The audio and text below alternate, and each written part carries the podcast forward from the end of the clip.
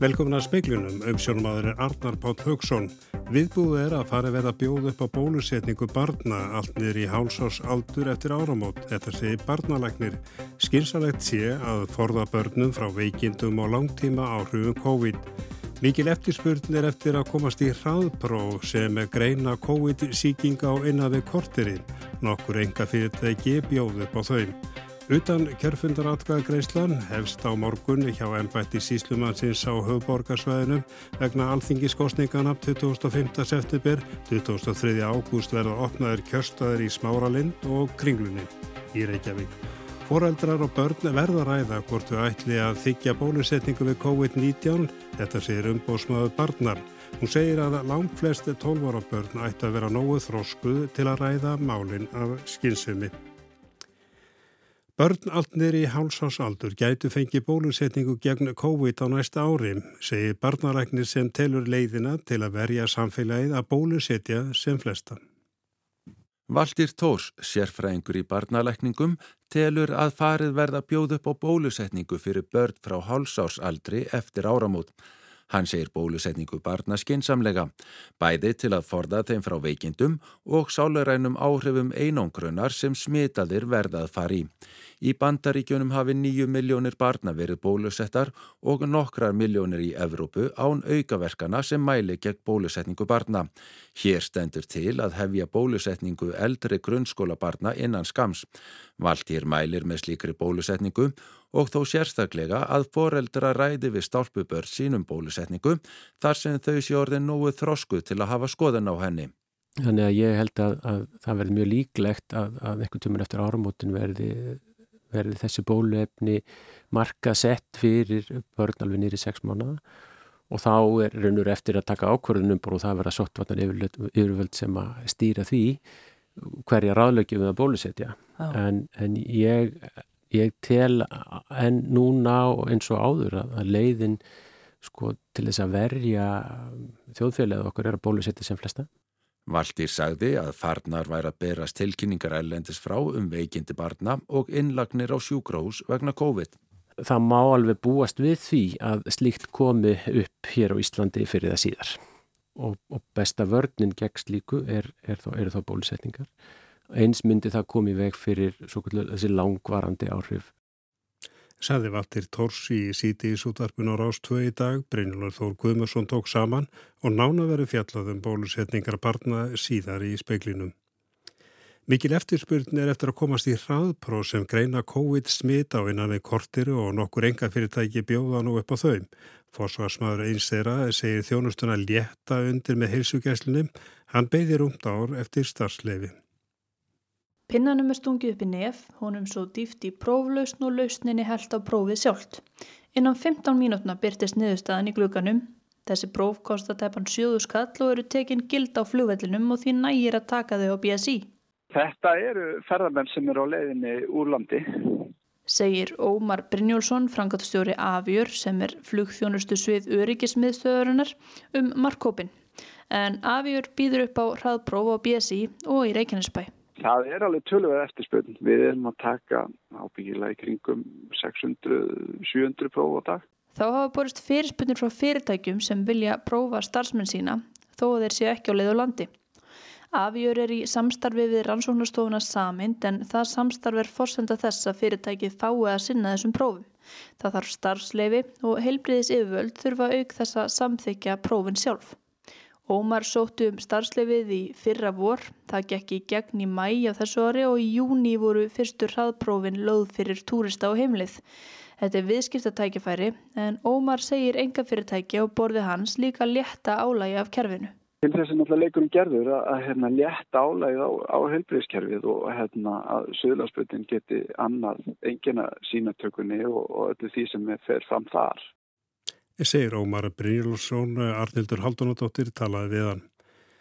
Utan kjörfundaratkvæða greisla hefst hjá ennbætti síslumannsins á höfuborgarsvæðinu morgun að sögn Sigriðar Kristinsdóttur síslumanns á höfuborgarsvæðinu. 23. ágúst opna kjörstæðir í Smáralind á kringlun í Reykjavík.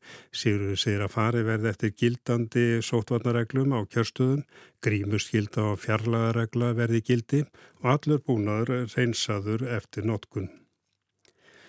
Professor í stjórnmálafræði telur það nýnæmi að ríkistjórni byrti gröf og yfirliti yfir árangu sinni í loka kjördiðanbils taka þurfi yfirlýsingum hennar með fyrirvaran en það ákveðin fristni vandi til staðar þegar pólitíkursar dæma eigið ágæti.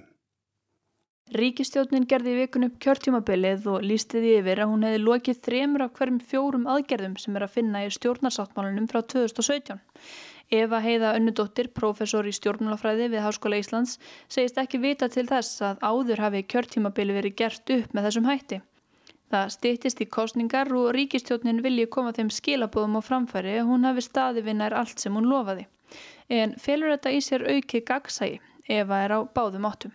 Og ríkistjórnin er raun og leggja mat á þess eigið ágæti og hversu vel þau hafa staðið því að standa við sáttmál og í þessu sammyggja þá skiptir klárlega máli að upplýsingarna séu bæði réttmætar og, og trúverðuðar og auðvitað verður að hafa í huga þennan freistni vanda að, að, að íkja árangur og, og láta svo líta út að meira hafi í raun og verið breyst eða áanist. Ef að heiða undrast að vinna við miðhálendistjóðgar sem ekki hlut náð fyrir augum þingsins sé sögð vel á vegu komin. Þá segir hún sumar aðgerðan á óljósar eins og hvað er áttið með því að, að því sem lokið að vinna áfram með efla skapandi greina. Þá er eins og að það er þá kannski möguleg ekkert að gera í því áfram. Og svo líka ef maður skoðar fyrst einstakka mál að þá sér maður alveg að í sumum málum hefur farið fram mun meiri vinna en svo eru víðar upplýsingar um öndur. Þetta var Eva Heiða Önnudóttir, Arnildur Haldunadóttir talaði við hana. Ríki sem að hafa haft herlið á að skipa í Afganistan bjóðan og hæli þarlendum starfsmönnum sem taldir eru í lífsættu og vegna mikillar framsóknar talibana í landinu. Talið er að hersveitir talibana hafi þegar stitt hundruðum afganskra starfsmanna alþjóðahersins aldurs. Ríflega 45 afgönnum sem starfa fyrir dönsk, hermála yfirvöld og sendiráðið í Afganistan verður bóðið tímabundið hæli í Danmörku. Þetta kom fram í yfirlýsingu danska utanríkisráðuneytisins síðdeis í gær. Þar segir að dönum renni blóði til skildunar að liðsina fólkinu enda sér líf þess og limir í hættu vegna tengsla þess við danska herin. Af gönnunum verður bóðið 20 ára búsettuleif í Danmörku. Sænska og finska utanleikisráðunitið eru einnig undribúa leiðir til að flytja tugi afgana og brott. Í síðasta mánuði tóku bandarækjaman á móti fyrsta hópi afgana sem starfað höfði þeirra þáu í landinu. Þjóðverjar og brettar hafa gert þið sama.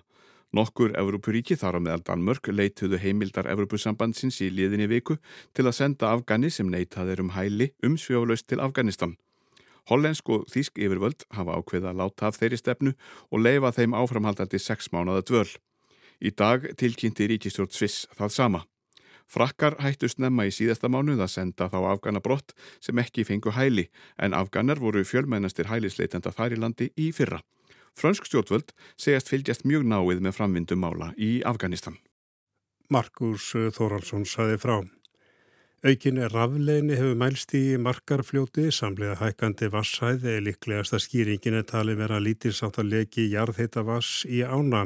Fólk gæti orði vart við brennisteinslíkt í nágræni árinar og við jökulsborðu endu jökuls, viðustofan fylgist náu með þróunmála, en rafleginni eikst ofti fyrir hlaup. Um helgina verður strandleikja langanes eh, gengin og sapnað það rusli markmið er að virkja og fræða almenningum verndun hafsins. Sveitarfélagi Langanisbyggð tekur þátt í átaki sjálfbóða samtakana Ocean Mission um að reynsa strandlengju Langanes um helgina. Samtökin eru umhverfisvenda samtök, samansett meðal annars að sjáarlífræðingum og vistfræðingum. Sigur Björn Veigar Fridgeirsson kemur að skipulagningunni fyrir hönd sveitafélagsins. Hann segir gott að fá aðilað hreinsuninni sem þekka til og geta kortlagt og greint stöðu úrgangs á strandlengjunni. Það náttúrulega rekur agalega mikið hérna á land vegna bara sérstöðu langanessins, skagvar tafströymum og þetta skagar, skagar svona út í og nóg er allavega að rekanum og það fylgir bara eðlilega alls konar drast með því. Það er alls konar smá spýtna drastl og plast og metakúlur, mikjur veiðafærum og, og plastflöskur. Um 20 manns kom á vegum samtakana til að sapna röstli, skrásetja og mynda en óskaður eftir fleiri sjálfbóðaliðum. Hluta markmið samtakana er að virkja fólk og, og fræða og þau leita eftir samstarfi við íbúa og heima fólk og svo les þannig að það er öllum velkomið að koma og vera með. Anna Þorbjörg Jónastóttir saði frá.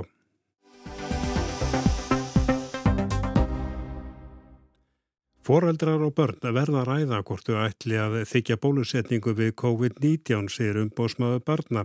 Hún segir að langflest 12 ára börn ætti að vera nógu þroskuð til að ræða málina skinnsemi og taka verið til, til skoðana þeirra. Sér foreldrar og börn ósamála megi hugsaðlega hingra með bólusetningu og sér foreldrar innbyrðis ósamála sé hægt að leita ráðgjafar hjá heilbreyðistasfólki. Til að byrja með þá er, vil ég taka það fram og það er náttúrulega það sem við höfum lagt mikla áherslu á að það e, fóreldrum er, er skilda til að, að, að hlusta börnin og taka tilliti þeirra skoðana. Og það sem leikur náttúrulega til grundvallar er það að, að það þarf að eiga sér stað samræðað um þetta mál og það er mikilvægt að fóreldrar og börn ræði þetta.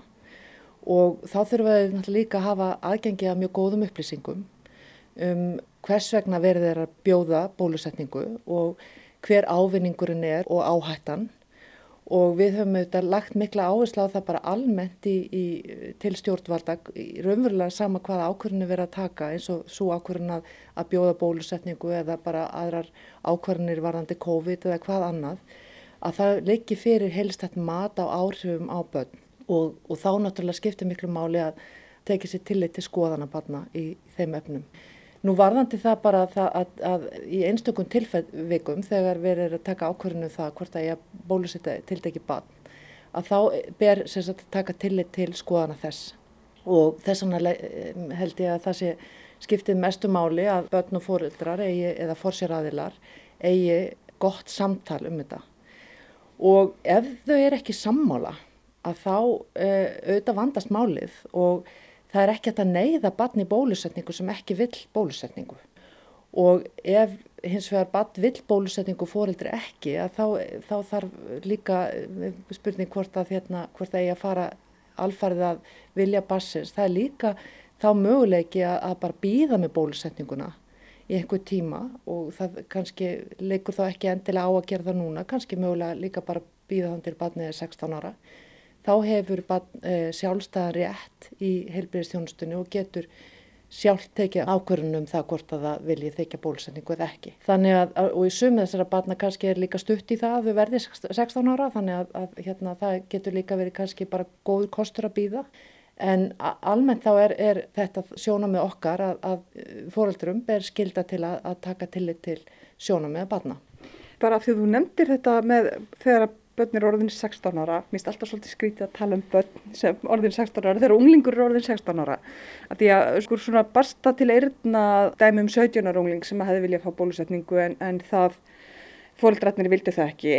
Unglingur í, í slíkri stöðu getur samt látið bólusetja sig. Þá er það ekki sjálfráða, þá getur hann samt látið bólusetja sig. Já, það er þannig í íslensku lögum að börn verða sjálfstæðir þjónustu þegar í heilbyrðiskerfinu þegar, er, þegar þau eru ánir 16 ára. Mm.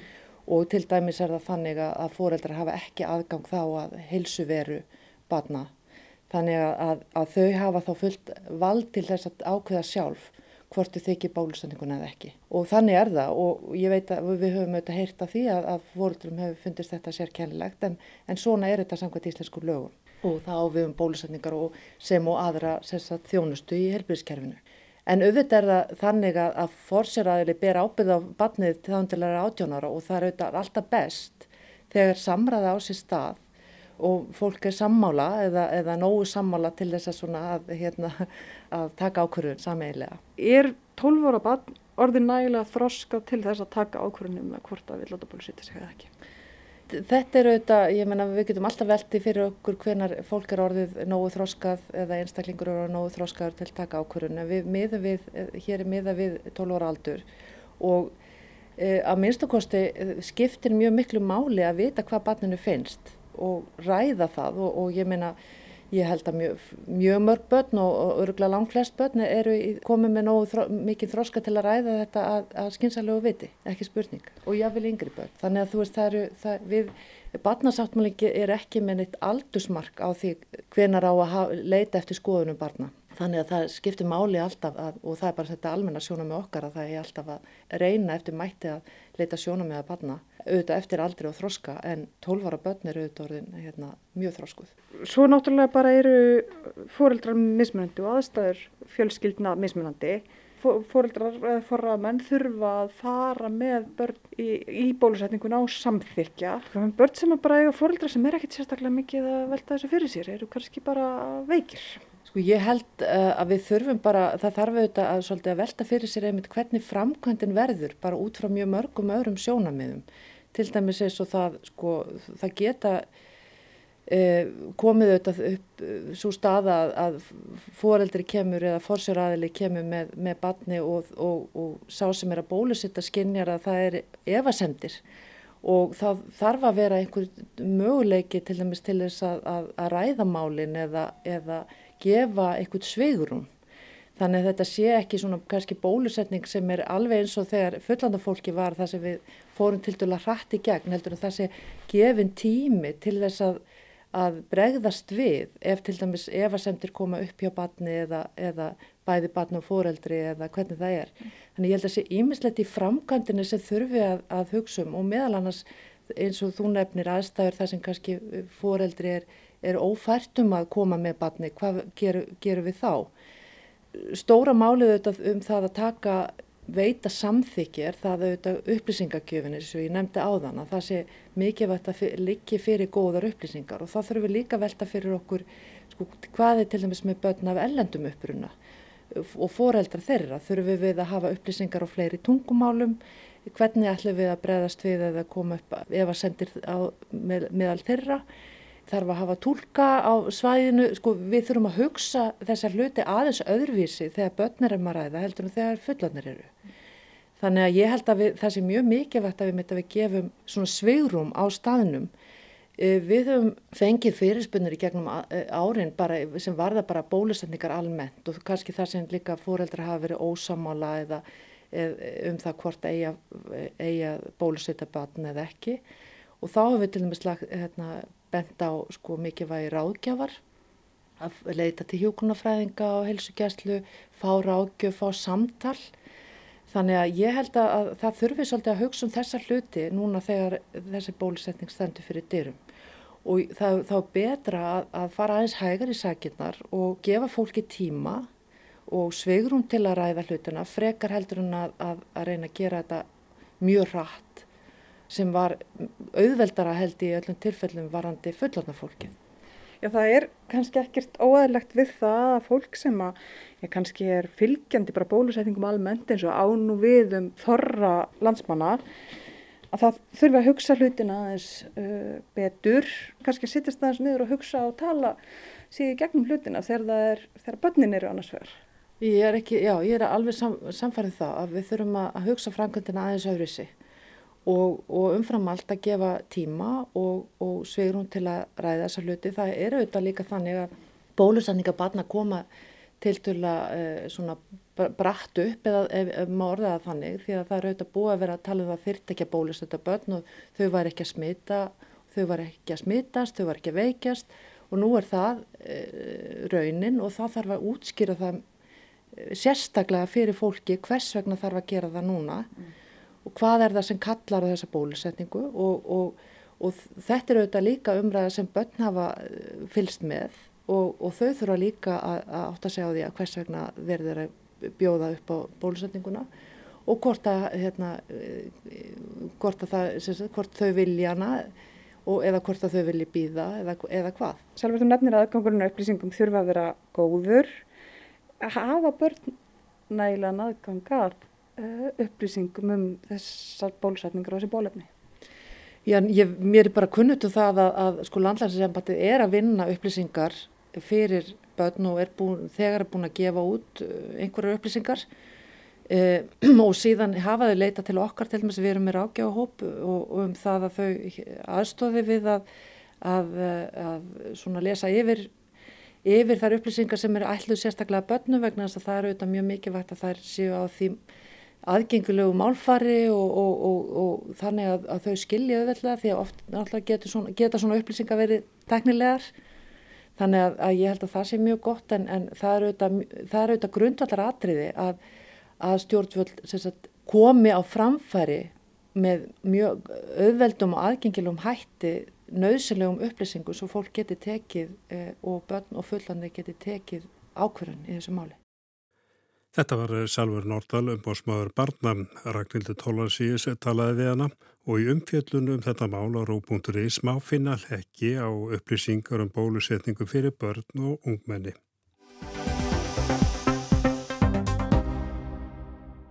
Þórólu Guðnarsson, sótvatalæknir, hefur skilað heilbreyðsar á þeirra tillögum um langtíma aðgerðir í baratunni gegn COVID-19.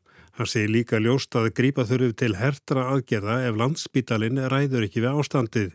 Hólfriður Dagni Fríðanstóttir spurði Þórólu í dag um hvað félist í tillögum um langtíma sótvarna aðgerðir.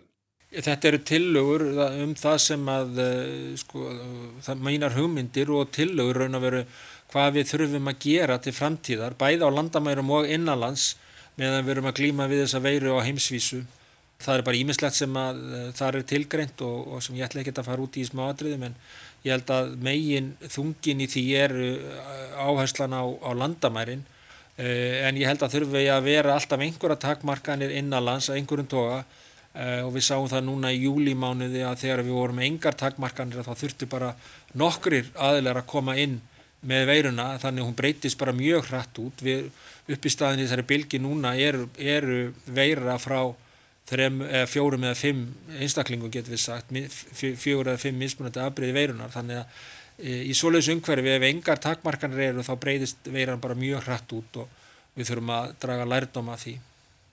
Þannig að við getum verið bara áfram næstu árið með svipaður aðgerðir og við erum með núna, 200 manna bann og metir. Já, ég ætla ekki að leggja neitt mat á hvaða aðgerðir eru en ég held að við þurfum að hafa einhverjar takmarkanir og, einhver, og, og svona reyna aðlaða okkur að því og okkar starfsemi og, og innviði og það getur gerst með ymsum hætti eins og aðra þjóður hafa verið að gera til dæmis með notkunn á, á bólusetningavottorðum eða eða, uh, eða vottorðum um neikvægt próf eða hvernig sem það nú er. Það er ímsar leiðir til en þetta er eitthvað sem við þurfum bara að fara að hugsa og, og, og ákveði í framhaldinu. Már Kristjánsson, yfirlagnir sjúkdómadeildara landsspítalans, sagði í gæra að það væri matsatriði hvenar spítalinn hefði gengið á langt gagvart öðrum sjúkdóma vegna COVID. Hólfrúðu dagni spurði Pál Mattiasson, fórstjóra á spítalans, hvenar hann teldi að oflangt væri gengið þegar við erum að meta okkar þálmörk þá þurfum við annars vegar að líta til þess að við getum synt þeim COVID-veiku sem koma til okkar og til þess þarf þetta heil, heilmikið áttak og, og mönnun. Þetta er aðeins flóknara þegar litið til þjónustu við aðra en þar eru við að horfa til þess að til dæmis fólk sem að er að býða eftir aðgerðum sem eru kallaða valkvæðar en eru það í raun ekki. Fólk sem býður inn á spítalegna veikinda og er að býða eftir ákveðnum aðgerðum, þræðingum og svo framvegis. Ef að það er farið að dragast ómikið á langin þá er það eh, merkjum að gengið. Þannig að við erum að fylgjast með öllum þessum hlutum. Það er líka annað sem við erum að gera og það er það að við erum að í samvinni við Háskóli Íslands að uppfæra eh, spálíkan og reyna þar að taka inn í spálíkanið áhrif bólusettra uh, og reynsluna af þessari bylgu. Og ég vonast til þess að fá einhverja vísbendingar úr því spálíkani nú fyrir helgina. Ég held að það geti hjálpað okkur að meta aðeins hvað er framundan. Sko það er að gera ímislegt með í rauninni því að fólk leggja á sig ómælda auka vinnu í ákveðin tíma en, en ekki ef það er mjög lengi. Og hvað er tímaraminn? Já, það fer eftir í hvað við getum gert að bregðast við, þannig að ég held að þetta sé, þetta er matsatrið og hlutu sem við metum á hverjum degi við bregðast spítalans. Þannig að þeir finnst ekki gengið á langt nú þegar? Ég tel að við séum á næri mörgunum en ég tel að við ennþá, þetta gangi ennþá. Og þá til Norregs hiti á jörðinni hækkar og þar með hækkar verða á losunarkvotum fyrir mengandi orkum. Vegna þessa hafa norðmenn á að selja 10% af sinni raforku beint úr landi þar sem að veri ári og regna með tvöföldun á næsta ári. Mengun í Evrópu eigur áhugan á raforku um sæstrengi frá norrlægum löndum. Gísli Kristjánsson. Öðvita hefur verið deilt um orku sölu úr landi í ára tugi. Er þetta skinsamlegt? hverjir græða og hverjir tapa. Evróski uppbóðsmarkaðurinn fyrir rafmagn hefur starfað í aldar fjórðung og uppbóð á veraldlum gæðum þýðir að allir sitja við sama borð. Það er að segja að þeir sem hafa búið við ódýrt rafmagn í sinu lokaða rafkerfi verða að kaupa orkuna sama verði og allir aðurir. Í reynd hefur þetta ekki verið stórkostlegt vandamál vegna þess að möguleikar á að selja rafmagn úr landi hafi verið litlir. Engin stórkostlugu ströymur úr landi vegna þessa orka verður aðeins heldum vraflínur, annarkort á landi eða um sæstrengi. Þegar búið er að framleiða rafmagnið verður það ekki geimt og sett í geimslu nema í mjög, mjög litlum mæli. Þess vegna verða menn annarkvort að láta vera að framleiða rafmagnið eða reyna tengjast þurftafrekum kaupanda. Og það er gert í stórum stíl hér í Nóriði og einmitt mest á þessu ári. Það er því fyrst núna sem menn sjá hvort útflutningur á rafmagni leiðir af sér hærra verð til neytenda heima. Spár vitur að manna hafa gengið út frá að verð hækki um 2-3 öyra norska á kílowattstundina. Það myndi þýða 30-40 öyra íslenska á kílowattstund. Mesta líkur er á að neitnendur taki ekki eftir þessari hækkun vegna þess að orku verði sveiplast nú þegar mikið á uppbóðsmarkaði. Í reynd er mjög erfitt fyrir hvert heimil að fylgjast með orkukostnaði heimilisins og engin leið fyrir neytenda að sjá hvort verð hefur hækkað vegna útflutnings eða þurka á virkjanasvæðunum. Það eina sem vitað er með vissu er að útflutningur fer vaksandi á eftir að vaksa stórlega í náinni framtíð. Á fyrri helmingi þessa ás fluttu norðmenn út um 10% af sinni orku. Rafmagnið er selt á uppbóðsmarkaði til hæstbjóðanda. Þetta hefur skilað orkusölum og neteigundum um 70 miljardum króna talið í íslenskum krónum. Danir kaupa mest af norðmönum, þá þjóðverjar og hollendingar. Til skamstíma mótaðist þessi sala að fáum möguleikum til að koma orkunni til útlanda. Eitt sæstrengur hefur verið til Danmerkur, annar til Hollands og svo er hægt að selja rafmagnu Svíþjóð, Finnland og Rúsland. En árið í ár breytir öllu. Nýr afkastamikill strengur til Þýskalands kom í fulla nótkun í vor. Sala um hann byrjaði að hafa áhrif á söluna á fyrra helmingi ásins en kemur núna inn að fullum krafti. Og í oktober í haust er ætlunni hefja söl á rafmagni um nýjan streng til Englands. Með honum ekst útflutningsgetan um þriðjung. Á næsta ári gæti því alltaf 20% af norsku raforkunni farið úr landi og þá fer útflutningurinn að hafa verulega áhrif á raforkuverð innanlands. Og þá er spurning hvort rafmagn hættar í verði meira en þess að fáu auðra sem spáð er og líka hvort raforkuverði sveiplist enn meira en nú er. Sveiplutna valda því að söðsvartur almúin gefst upp á að fylgjast með orkuverðinu og leita hagstaðustu tilbóða. Orkusalar hér segja eftirspurnin í Evrópu farið vaksandi. Hitabilgjur á hverju sumri auka þörfin á að kæla hús niður. Þá sínir einslan að vindorkan skila sér í minna mæli en spár hafa gert ráð fyrir. Norsk vatsorka bætir upp það sem ávantar í vindi. Og svo var það losunarkvótar fyrir kóla og gasorku, sífælt dýrari og þá er hagstæður að kaupa græna orku úr norskum uppustöðulónum. Markaðurinn er því hagstæðari en fyrir spárgerður áð fyrir og nýjasta loftslagsskíslan bendir til enn meiri áhuga á hreitni orku. En ef hægt verður að flytja út stóran hlutar af orkunar og selja á uppbóðsmarkaði má rekna með að orkan verði álíka dýrum alla Evrópu að frátöldum flutnískostnaði. Það gæti komið norskum neytendum til góða á opnum markaði. Statsnet, eða þar að segja landsnet, á dreifikerfið og sæstrengina að hálfu. Sæstrengirni skila hagnaði en ákveðið er að ríki tekur ekki út þannan hagnað heldur verður að nota til að lækka dreifingarkostnað innanlands. Þannig getur einhvað af þessum aukna útflutningi komið neytendum innanlands til góða. Þetta var Gísli Kristjánsson og við náum aðeins að kíkja til viðus í lokinni við að skíja þeir nótt og lítils hátar væta austast á landunum en byrtir til sunnan og vestanlands á morgun. Hitti við að 12 til 20 stiga deginum hlýjast eh, sunnan til. Og við sögðum frá því meðal annars í speiklunum við kvöld að við búum er að fara að vera að bjóða upp á bólusetningu barna allt niður í hálsás aldur eftir áramótt. Þetta segir barnalæknir. Skýrsalegt sé að forða börnum frá veikindum og langtíma áhrifum COVID. Ef við komumst í lengra í tækni maður í kvöld var Mark Eldred verið sæl.